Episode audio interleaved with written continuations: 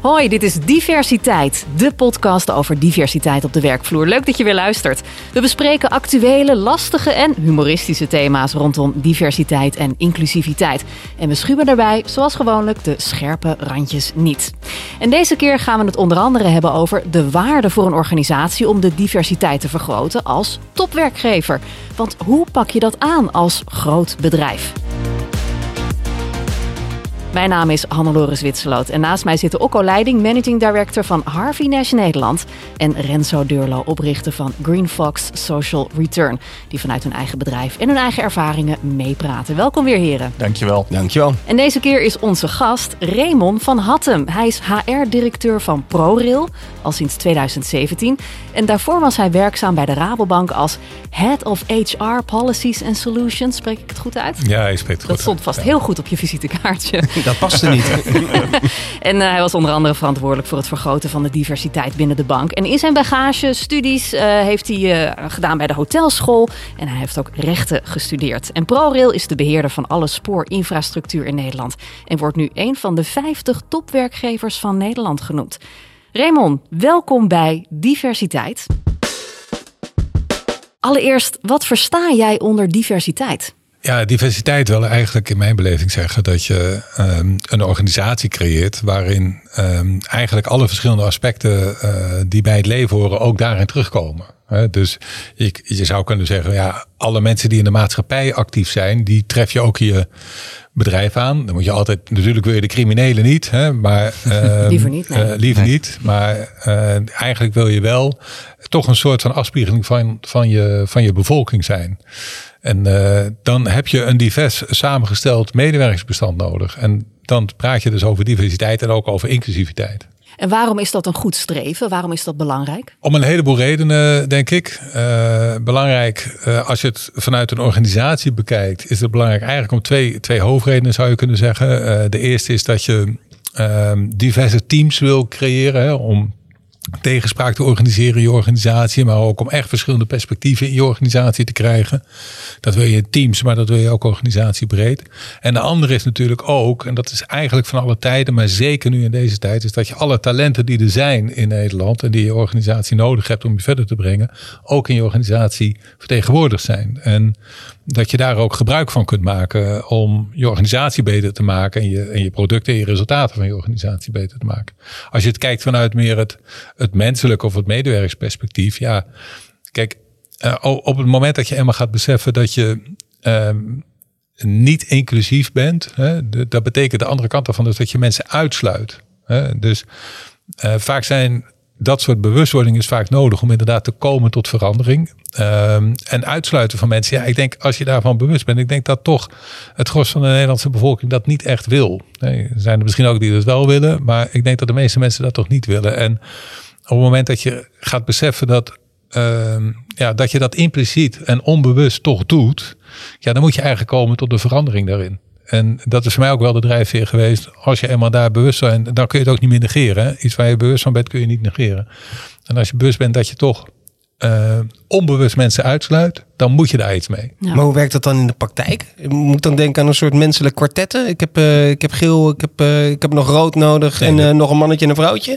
dat betekent eigenlijk in de praktijk dat je moet gaan kijken. En niet alleen maar naar de mensen die op jou lijken, maar ook naar andere mensen die wat minder ja. op jou lijken. En hoe, hoe gaat dat? Lukt dat een beetje? Uh, dat is makkelijker gezegd dan gedaan. Nou, dat weet ik inmiddels wel. Nee, dat klopt. Het is niet, uh, het is niet eenvoudig. Dus je moet vasthoudend zijn. Uh, je moet, kijk, uiteindelijk gaat het om gewoon mensen benoemen. Hè? Mensen aannemen. vanuit een organisatie bezien. Hè? Gewoon mensen aannemen. Ehm, en, en mensen benoemen. En, en daar heel bewust mee bezig zijn. Maar vaak gaat de discussie ook over. Ja, maar we willen gewoon de beste. Hè? Uh, ja, wie wil nou niet de beste? Hè? Ja. Want nou, uh, dat zijn van die paradigma's die je moet proberen te doorbreken. Uh, want altijd maar de beste willen wil niet ze zeggen dat je tot het beste team komt. Als je in een voetbalteam altijd de beste spits hebt, ja, dan je hebt ook verdedigers nodig en je hebt ook middenvelders nodig. En zo werkt het in organisaties ook. Hè? Dus je moet zorgen dat je een, een gemengd team hebt, wat bij elkaar bezien het beste team is. En dat is eigenlijk per definitie nooit een volledig eenduidig samengesteld team. Uh, dus um, hoe realiseer je dat nou in de organisatie? Door daar gewoon met elkaar het gesprek over te gaan voeren. dus, dus jullie mijn... hebben daar concreet echt gesprekken over? Ja, uh... daar moet je echt over praten met elkaar. Om gewoon bewustwording te creëren, om mensen tot andere inzichten te brengen. En hoe ziet dat er dan uit, zo'n gesprek? Ja, want hoeveel mensen werken er? En hoeveel gesprekken zijn dat ja. allemaal niet? Want dan ben jij volgens mij wel elke dag gezellig. dat kost je twee liter koffie per dag. Nee, dat, dat kost ook veel tijd. Ja. Uh, ik ben overigens niet de enige. Die, uiteindelijk moet je het, ik, in mijn rol moet je het ook gaan organiseren. dat dat soort dingen gebeuren. Dus ik heb een programmamanager rondom diversiteit en inclusie. Wij werken met netwerken die daarmee bezig zijn.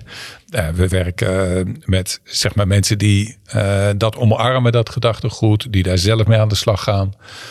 Dus uh, anders kan ik inderdaad hè, elke dag, als het dat mijn enige activiteit zou zijn, dan ben je daar veel te intensief mee bezig. Je moet ook management hebben wat daarin gaat geloven. Die, ik heb uh, hiervoor bij de Rabobank gewerkt, wat je net al zei. En daar deden wij ook trainingen. Dat doen we bij ProLovers ook. Hè. Dus um, je bewust worden van je, van je bias. Hè. Uh, dus van jouw onbewuste vooroordelen die je hebt. Uh, die vaak wel je handelen bepalen. Uh, dat, daar kun je prachtige dingen in bereiken. Ja, kan je daar een voorbeeld van geven hoe dat dan... Nou, wat, wat, wat ik ik zal eigenlijk, dat is al even geleden, maar dat was een training die we deden bij de Rabobank met ons topmanagement. En dan met een acteurs erbij. En dan lieten we uh, mannen praten met mannen en vrouwen met vrouwen. En als de vrouwen met de vrouwen praten, dat, dat ging dus over genderen uh, destijds. En dan uh, lieten we de mannen daarnaar kijken. En die mannen zaten, ja, maar dit, is die, dit klopt niet, hè, wat jullie nu doen. Dit hebben jullie gespeeld. Nee, zo praten wij echt met elkaar. En dat, dat is dus. ja. Dat zegt ook al. Ja, en zo ging het echt letterlijk. En okay. uh, dat waren dus gewoon eye-openers. Oh ja, weet je. Dus ja, nee, het is echt anders. Hè? Dus je moet ook even uit je eigen belevingswereld gaan kijken naar andere mensen. En dat op een andere manier doen dan alleen maar met je eigen onbewuste vooroordeel. Het gaat echt over biases aanpassen. Ik had de afgelopen zomer daar een eye-opener op. We hebben een bedrijf overgenomen waar 100% uh, van het personeelsbestand vrouwen uh, uh, werkt. Ja. daar krijg je een hele andere discussie overigens. En ik ben bij een van hun managementoverleggen geweest. Dat gaat anders dan in mijn managementoverleg. Maar wat gaat er anders dan? Ja, dat ben ik inderdaad ook al. Nou, ze zijn met z'n vieren. Ze luisteren naar elkaar of niet? Nee, toch? En voor, nee. en voor mij, voor Ze mijn praten gevoel. niet door elkaar heen. Nee, wel, nou, tuurlijk wel. Natuurlijk wel. Wie praat er trouwens door elkaar heen? nee. Nou ja, voor mijn gevoel waren er altijd twee aan het woord. Um, en, en, en, en dat was wel even wennen. Ik moest even uh, uh, schakelen om, om de. Het, het ging heel snel van onderwerp naar onderwerp. Dus wat ik gewend was, was dat we. Nou, je hebt een onderwerp geagendeerd en dat handel je af en dan ga je naar het volgende onderwerp. Mm -hmm. En dat gaat veel vloeibaarder. Ook veel natuurlijker. Het, is, het, het, het, was echt mooi om erbij te zitten. Het was ook een klein beetje vermoeiend. Maar het was, je kon het eigenlijk niet zo goed bijhouden. Het, het, het, het was even schakelen. Ja. Je bent nog steeds aan het uitrusten. Heel goed. Ja, mooi. Ja, maar dat is wel opvallend dan, ja. Ja, ik herken wat je zegt. Het is, het, het, het, het is echt gewoon een ander gesprek. Ja. Ja, en, en je moet even even bijschakelen. Ja, maar kijk, als je vier mannen met elkaar ziet praten, dan is het ook een heel ander gesprek. Ja. En uiteindelijk gaat het natuurlijk om dat daar, nou ja, in dit voorbeeld misschien twee mannen, twee vrouwen, whatever. Hè, maar dat in ieder geval een divers samengesteld team is. Exact. En ik denk dat dat de beste resultaten gaat opleveren. Ja, helemaal eens. De waarheid ligt in het midden, letterlijk. ja. ja. Hoe pak je dat dan aan als grote organisatie? Moet je dan zorgen dat op bepaalde sleutelposities mensen nou, zitten met een andere achtergrond? Je moet wel, denk ik, kijk, Ben Tichelaar schreef er uh, in zijn column uh, van de week een aantal dingen over. Dat was een andere interessante column. En hij had het onder andere over, je moet een diversiteitsmanager aanstellen. Dus anders gezegd, je moet het ook wel echt bewust organiseren. De gedachte dat, die heb ik ook wel ontmoet in de organisatie waarin ik heb gewerkt. Ja, dit gaat bij ons vanzelf. Je hoeft er bij ons geen specifieke aandacht aan te geven. Dat is echt onzin.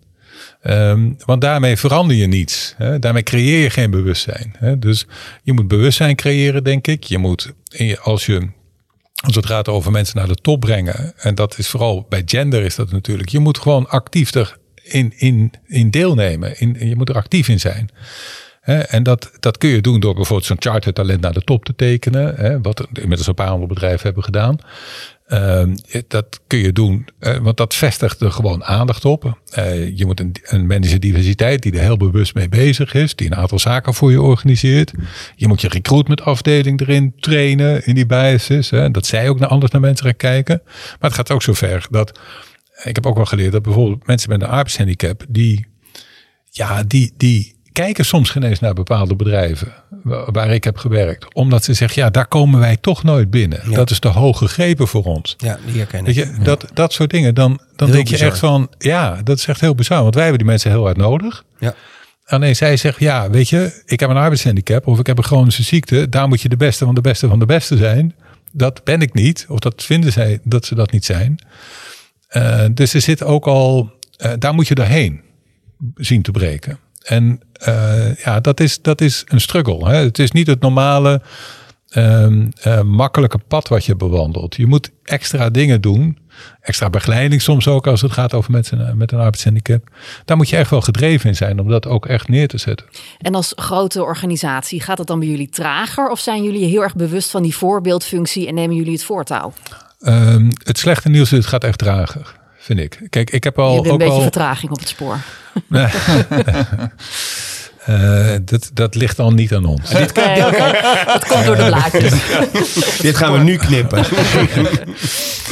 Eh, nee, maar je moet wel echt. Kijk, het, in de grote organisatie. eh, Kijk, het automatisme waar je eigenlijk in zit. Hè, de- en dat noem ik maar een paradigma. Is dat mensen toch altijd op zoek zijn naar de beste van de beste. Hè? En ehm, dat is niet zo vreemd. Hè, want je wil kwalitatief iemand die. Eh, datgene wat je in, je functie eh, hebt, hè, waar je iemand op wil hebben om dat werk te doen, ja, dat die gewoon ook dat werk kan doen en dat ook op een goede manier doet. Dus dat is een volstrekt logisch eh, logische gedachte. Maar als je met mensen gaat praten over, joh, heb jij nou ook bijvoorbeeld broers of zussen of kinderen of neefjes of nichtjes of buurjongetjes of buurmeisjes die een arbeidshandicap hebben? En als je nou vanuit dat perspectief naar kijkt en die mensen komen nooit eh, aan een baan omdat zij eh, niet de beste van de beste zijn, omdat ze misschien een leerachterstand hebben opgedaan vanwege een arbeidshandicap of ze hebben gewoon te minder ervaring of noem maar op. Ja, dan krijg je dus situaties en denken mensen, ja, dan ga je mensen nadenken. En eigenlijk wat ik wel heb gemerkt, als je daar het gesprek over gaat voeren in een organisatie, dan maak je toch wel iets los daarmee. Eh, en dan gaan mensen toch net iets anders kijken. En dat is wat je nodig hebt. Hè. Dus je wil dat mensen net iets anders gaan kijken naar, naar de mensen over wie het hier gaat, dan ze anders zouden hebben gedaan. Ik denk, dat je hier een sleutelpunt aanreikt. Lukt het om, om genoeg mensen in de organisatie te vinden die die, die passie vinden? Ja, nou, dat is lastig. Dat is in die zin lastig. Kijk, ehm, de, hectiek, de waan van de dag, eh, dat leeft allemaal in grote organisaties. Hè. Je hebt een opdracht, je eh, probeert dat binnen die tijd te doen die ervoor staat. Dus je hebt mensen nodig die iets extra's doen. En gelukkig kan ik zeggen dat we bij ProRail ook die mensen hebben. Hè. Eh, maar je wil er zoveel mogelijk. Eigenlijk wil je dat iedereen zo een beetje denkt. Hè. Dan wordt het een stuk makkelijker om inderdaad sneller divers te worden. Oké. Wat zijn een beetje de cijfers? Hoeveel mensen werken er bij Pro? En is, hebben jullie bepaalde doelstellingen in, in, in aantallen met diversiteit of, of afstand tot de arbeidsmarkt? Of noem het maar Ja, op. nee, die, die hebben we. Er werken ongeveer, eh, een beetje afhankelijk van wie je wel of niet meedoet, maar eh, zeg, zeg maar even ongeveer 5500 mensen bij ProRail. Eh, we zijn vrij sterk gegroeid. Dus een van de dingen die we hebben gedaan in de. Want bij ons is diversiteit gaat over verschillende zaken. Hè? Dus het gaat over gender, het gaat over LHBTI, het gaat over arbeidshandicap. Maar het gaat bij ons ook over, eh, als het gaat over divers samengesteld, over jong versus oud. Hè? We zijn een, ja. verouderend bedrijf in zekere zin. Nou, we hebben nu de kans genomen om toch veel meer jongeren weer aan ons te binden. Eh, dat hebben we echt met een paar honderd mensen uitgebreid op dat totaal. Eh, dus dat helpt ons ook om diverser te worden. Eh, en dat gaat ook over mensen met een arbeidshandicap. En, en laat ik niet vergeten, ook een culturele achtergrond. We hebben dat on- bijvoorbeeld dat laatste hebben we onderzocht. Hè. Dat is toch best ingewikkeld, want je mag Ja. niet aan mensen zomaar. Hè, dus allerlei privacyregels, noem maar op. Ja, heel Eh, lastig. maar dat hebben we toch weten te doen. En daar komt uit dat wij ongeveer 7% van onze mensen heeft een andere culturele achtergrond. Dus op die totaal van 5500 is dat zeg maar 350 vier- tegen de 400 mensen. ik weet niet wat de kerngetallen in Nederland zijn, maar dat lijkt mij toch... Die zijn een stuk hoger, kan ik je vertellen. Ja? Oh, jammer. Ja. Nee, is 30 procent of zo. Nou, 30 procent niet? Ja, het, ook daar zit. Ik, Nuances. En... ik denk dat wij een factor 3 hoger zouden moeten komen. Als wij echt die diversiteit. Ruim 20 zouden- procent. Ruim Oké. Ja, zo rond de 20 procent. Eh, in ieder geval in het onderzoek wat wij daarnaar hebben Mhm. gedaan.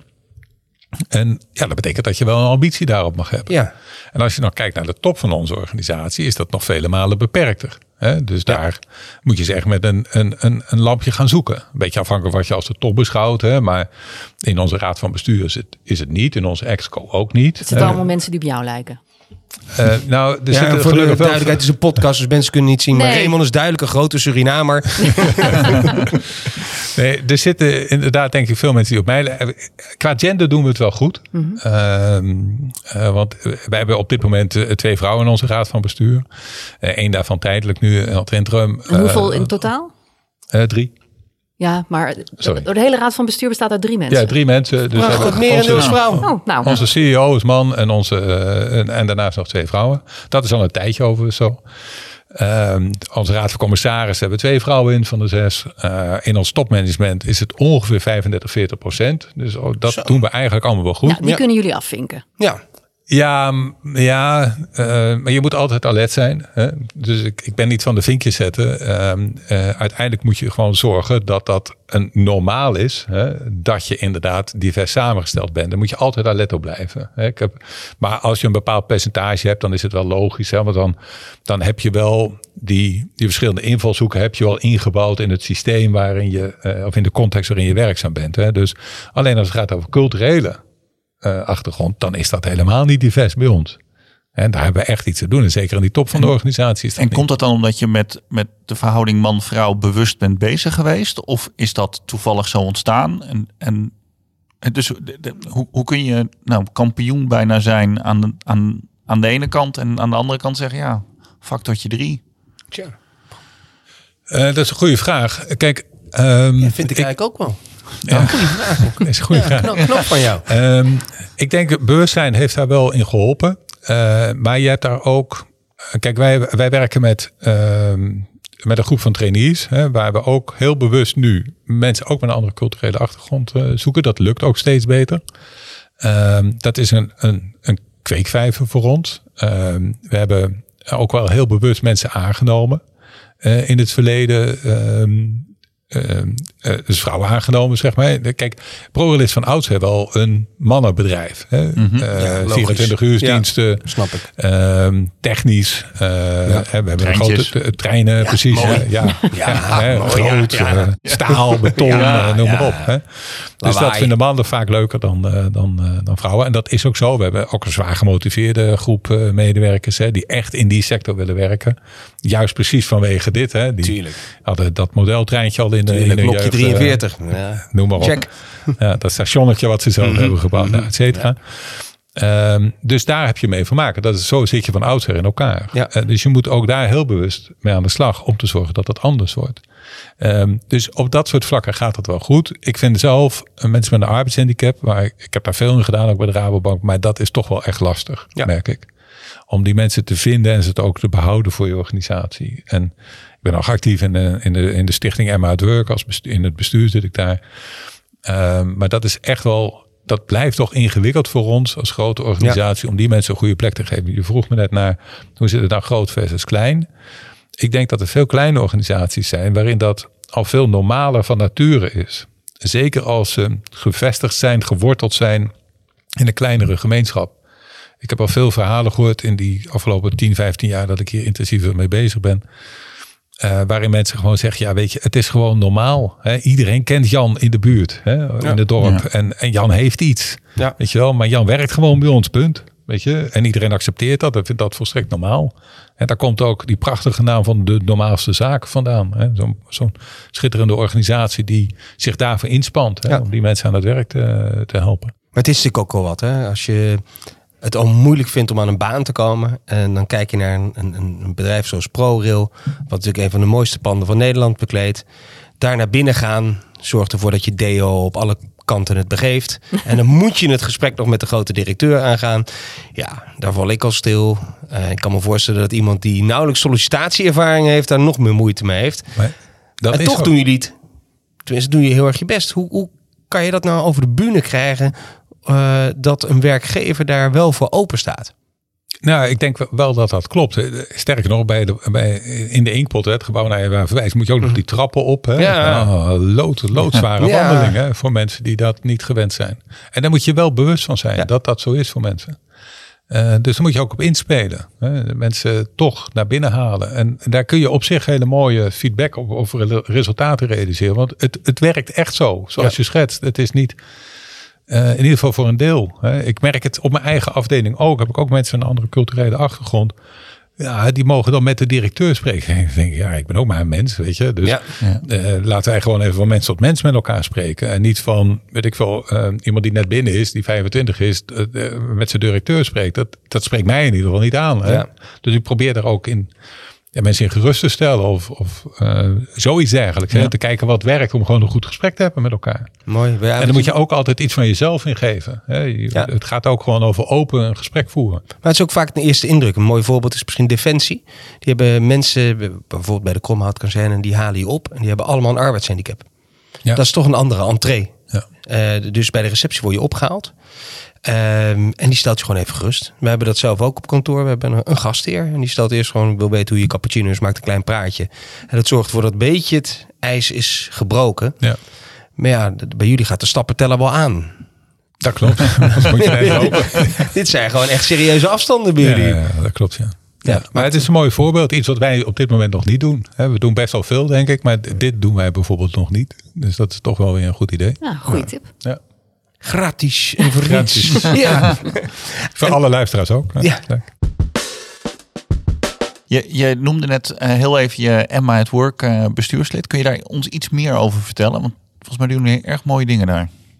Ja, Emma at Work is een organisatie die bestaat inmiddels eh, meer dan 15 jaar. We hebben vorig jaar ons 15-jarig bestaan gevierd. En dat is een organisatie die is voortgekomen uit het Emma Kinderziekenhuis. Ehm, een van de oprichters kan er echt fantastisch over vertellen. Die, precies, dat, die kan dat veel beter dan ik, dus dat laat ik graag aan hem. Maar ehm, eh, eigenlijk, als ik het kort samenvat, dan zeg ik altijd... ehm, de, de medische wetenschap is steeds beter in staat om ook jonge kinderen toch in leven te houden die eigenlijk vroeger ten dode waren opgeschreven. Want zo heftig is het vaak. Ja.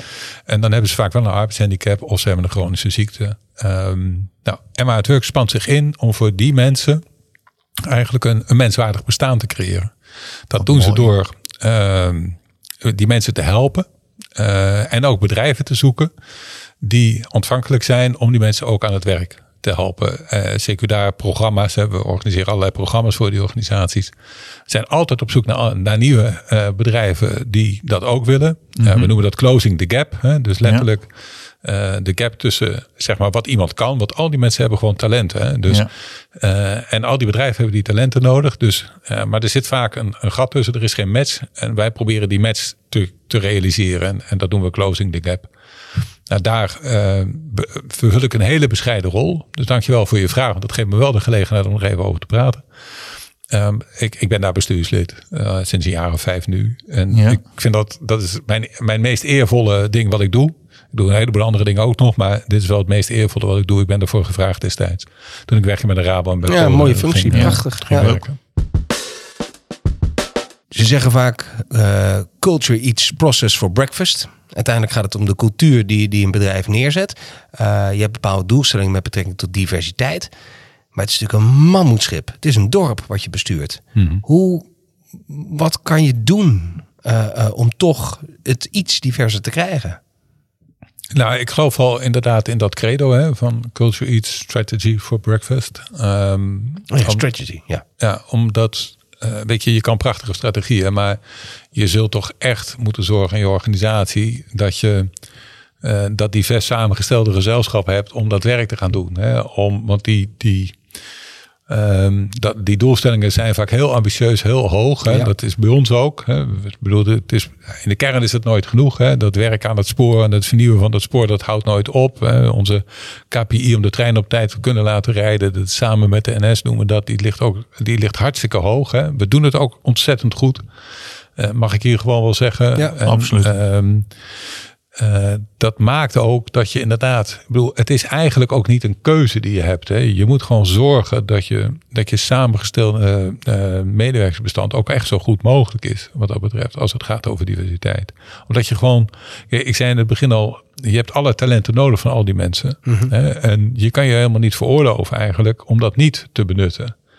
Eh, een van de, de commissarissen waar ik destijds veel mee, mee sprak bij de Rabobank, die zei altijd tegen me van ja, weet je, het is toch zonde van de talenten van al die vrouwen als je eh, die niet laat doorstromen naar ook naar de top van je organisatie. En dat was natuurlijk volkomen terecht dat ze Ja, dat zei. eens. Ja. Uh, maar je moet ook wel met elkaar zo'n cultuur weten te creëren waarin dat, dat mogelijk is. En dat kan alleen maar, uh, zoals zo vaak, door voorbeeldgedrag te laten zien, door je systemen erop aan te passen, door je, je, je, je, hele beleid in die richting te brengen, et cetera. Dus je moet op die verschillende zeg maar, kwadranten invalshoeken, moet je ook echt actief bezig zijn. En, en alleen dat gaat je helpen om, om, te, om daar te komen waar je ook uiteindelijk wilt zijn. Je zegt systemen uh, aanpassen. Waar moet ik dan aan nou, denken? Bijvoorbeeld je recruitment aanpak. Weet je wel? Dus als ik, mm -hmm. als ik ja. uh, iets wat echt in mijn vakgebied uh, ligt, op het moment dat jij bijvoorbeeld in je, in je vacatureteksten, want zo bazaal is het dan vaak. Um, kijk, ik lees een tekst en denk, nou, leuke tekst of niet leuke tekst. Ja. Maar heel veel mensen die kijken naar zo'n tekst, die denken, ja, ik zie hier heel veel uh, mannelijke aspecten in terugkomen ja. als vrouw. Dat wil ik helemaal niet. Weet je wel? Dus die, die, of wat ik net vertelde over arbeidsgehandicapten, die vaak naar een organisatie kijken. Als je daar dezelfde tekst aan voorlegt als aan iemand die geen arbeidshandicap heeft, die kijken daar echt anders naar. En daar ja. moet je, ook daar gaat het gewoon over bewustzijn en daar anders dus mee omgaan. Ja. En dat kan. Hè? Tegenwoordig kan dat gewoon heel goed. Hè? Dus vroeger gebeurde dat allemaal maar, maar op dit moment, als je daar eigenlijk niets van bewust bent, ja, dan loop je echt achterstand op. Dus je, je bent ook, um, je hebt een, wat mij betreft ook een beetje een morele verplichting om ermee bezig te zijn. Maar het, het helpt ook gewoon echt zakelijk, ja, uh, zakelijk om dat goed te doen. Het is een paar keer een onderzoek naar geweest. En wat blijkt nou dat het, het aantal sollicitanten op een, uh, als er een plaatje aanwezig is van een niet-Nederlands iemand, dat er meer sollicitanten opkomen dan een Nederlands iemand. Klopt. En, en zo hebben wij ook nog elke dag te leren. Want wij hebben ook net weer onze, onze interne nieuwsbrief. Hè, waarin uh, inderdaad toch ja, een paar vooral witte uh, uh, mensen zich bewaren. Er ook weer aangepast. Ja. Met gewoon een aantal mensen die ook bij ons actief zijn. Dat zijn gewoon foto's van onze reële collega's. maar dat, ja, dat geeft wel gelijk een ander beeld. Namelijk een veel realistischer beeld. Hè, van, van de samenstelling die we nu al hebben. Dus dat is wel echt belangrijk. Ja, mensen willen toch ook het liefst zichzelf herkennen in een organisatie. Ja. En als je jezelf er, ziet en herkent, ja. dan durf je ook te solliciteren. En, en, wat misschien ook wel belangrijk om nog te vermelden. Kijk, wij zijn als ProRail, wij zijn een organisatie die actief is in de publieke sector. Ja. Wij, wij zijn een maatschappelijke organisatie in dat opzicht. Dus ik denk, zeker ook als maatschappelijke organisatie, heb je ook iets uit te dragen op dat vlak. Dus uh, misschien nog wel belangrijker dan voor een, uh, ik zal maar even zeggen, een, een, private organisatie waar misschien winst toch wel ook heel belangrijk is. Wij ja. kennen helemaal geen winst. Weet je, wij worden ja. gefinancierd door de overheid. Um, en wij hebben een maatschappelijke rol te vervullen, namelijk zorgen dat het verkeer op het spoor goed geleid wordt en zorgen dat er vernieuwing is aan het spoor en onderhoud aan het spoor. Als ik even uh, onze hoofdactiviteiten samenvat. En uh, daarin heb je, dat doe je voor alle Nederlanders. Hè? Dus ja. dat doe je niet alleen maar voor witte Nederlanders of alleen maar voor witte mannen. Of, of nee, maar krijg je dan een belletje van de minister Bruinslot die zegt van nou Raymond, hoe is het? Uh, nee, nog een beetje gevist dit weekend en uh, wat is het nee, aantal niet-etnische Nederlanders die bij haar werkt? Die, die of belt niet mij. moet ik die, zeggen? Zeg ik dat goed? Niet etnisch? Nee, dat zei ik niet goed. Wel etnisch toch? Moet je dan hebben. Niet. Waarom Nou ja. je mij gewoon niet ook Dit is, is mijn nieuwe... Nee, dat gebeurt niet. Dus je, je hebt ook wel een intrinsieke drijf nodig, denk ik. Maar ik denk dat dat sowieso. Kijk, als ik, als ik mijn drijf zou zijn, uh, als die ex, extern zou zijn ingegeven, doordat andere mensen zeggen: joh, ga nou eens dit doen, ga nou eens dat. dat ik, ik ben liever intern gedreven uh, uh, Ja. uh, en, en draag dat liever gewoon vanuit mijn eigen waarden uit, dan dat iemand tegen me zegt: nou, nou moet je misschien toch maar eens, uh, hè, zo. Dat, uh, dat werkt bij mij in ieder geval persoonlijk op Nee, dat herken ik wel. Ja, dat heb Ja. jij zeker volgens mij. Ja, dat moet wel. Ja, ja, ja. Tot slot, Raymond, heb jij nog een laatste concrete tip uh, voor mensen die luisteren nu om diversiteit te stimuleren? Ook voor mensen met kleine bedrijven. Ja. Vanuit Ehm, jouw he- jarenlange ervaring. Ja, maar er zijn zoveel dingen over. Maar um, ik denk misschien toch wel de allerbelangrijkste is dat je gewoon zelf gaat kijken naar je eigen organisatie. Uh, op, op verschillende vlakken. Hè? Dat, kijk, je hebt een paar maanden geleden was het weer Equal Pay Day. Hè? Dat is ook zoiets, hè? Gelijk, gelijke beloning. Uh, Ja, daar word ik altijd een beetje boos om. Dan denk ik, oh ja, vanaf nu werk ik dus voor niks. Want? Nou ja, op het moment... Uh, en nu al, het is pas nou ja, nu niet. 25 Nee, nu niet. Maar ergens volgens mij op driekwart van het jaar... dan zeggen ze, nou ja, de, de mannen verdienen nu nog... en de vrouwen hebben eigenlijk alles al verdiend wat er te verdienen valt dit jaar. Ja, nou bij ons is dat dus niet. Dus hè, mocht je bij ons een keer iets willen doen. eh, maar bij ons is dat. We hebben dat onderzocht. Hè, ook gewoon om, om te kijken hoe zit dat nou bij ons. Hè. Eh, en dan blijkt dat bij ons. Nou, er is een mini. Maar sorry voor deze vroegtijdige schoolverlater. Eh equal PD. Equal pay. Eh, Equal pay wil eigenlijk, als ik het kort samenvat, zeggen. Heb je nou in aanmerking genomen een aantal relevante factoren erin, zeg maar. Maar heb je nou, betaal je nou eigenlijk mannen en vrouwen een gelijk salaris? Voor hetzelfde soort werk. oké. Dus, en dat, nou, dat, dat daar, kun je, daar moet je echt goed onderzoeken. Dat hebben we ook echt gedaan. Want eh, je moet er een aantal factoren die van belang zijn, eh, eh, die moet je daarin meenemen. Maar als je dat allemaal goed doet, en we hebben ons daarin ook goed laten adviseren door een bureau die daarin gespecialiseerd is en dergelijke, dan zie je dat bij ons, het is een beetje afhankelijk van verschillende schaalniveaus. Eh, maar het loopt nergens extreem uit elkaar. Hè? Dus niet dat wij, weet ik veel, in, schalen 10 of 15 procent verschil hebben of iets dergelijks. Wat, nou, wat ik jou wil zeggen, dat dat misschien toch wel eh, op andere plekken wel het geval is. Laat ik me voorzichtig uitdrukken. Ehm, maar dat is bij ons in ieder geval niet.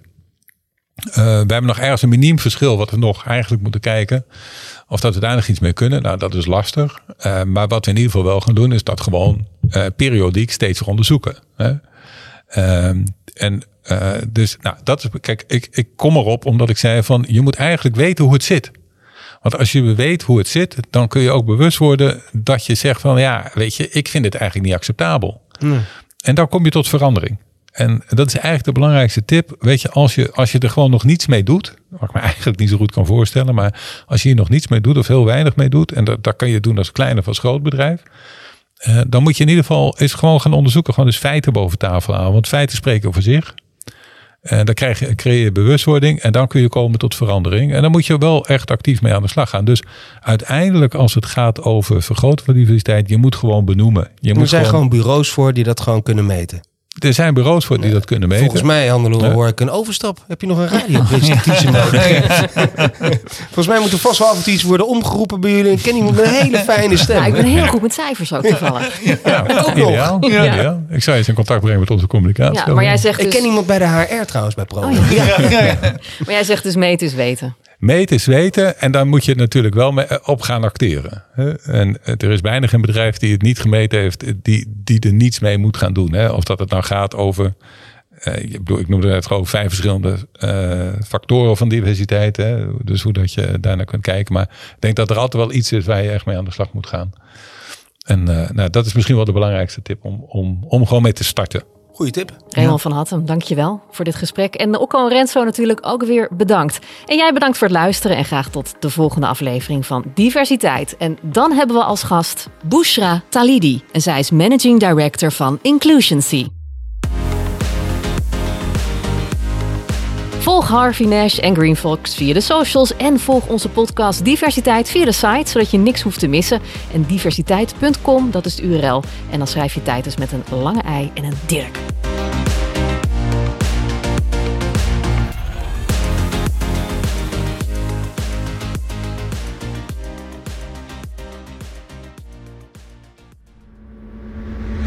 Deze podcast is met trots geproduceerd door Content Leaders.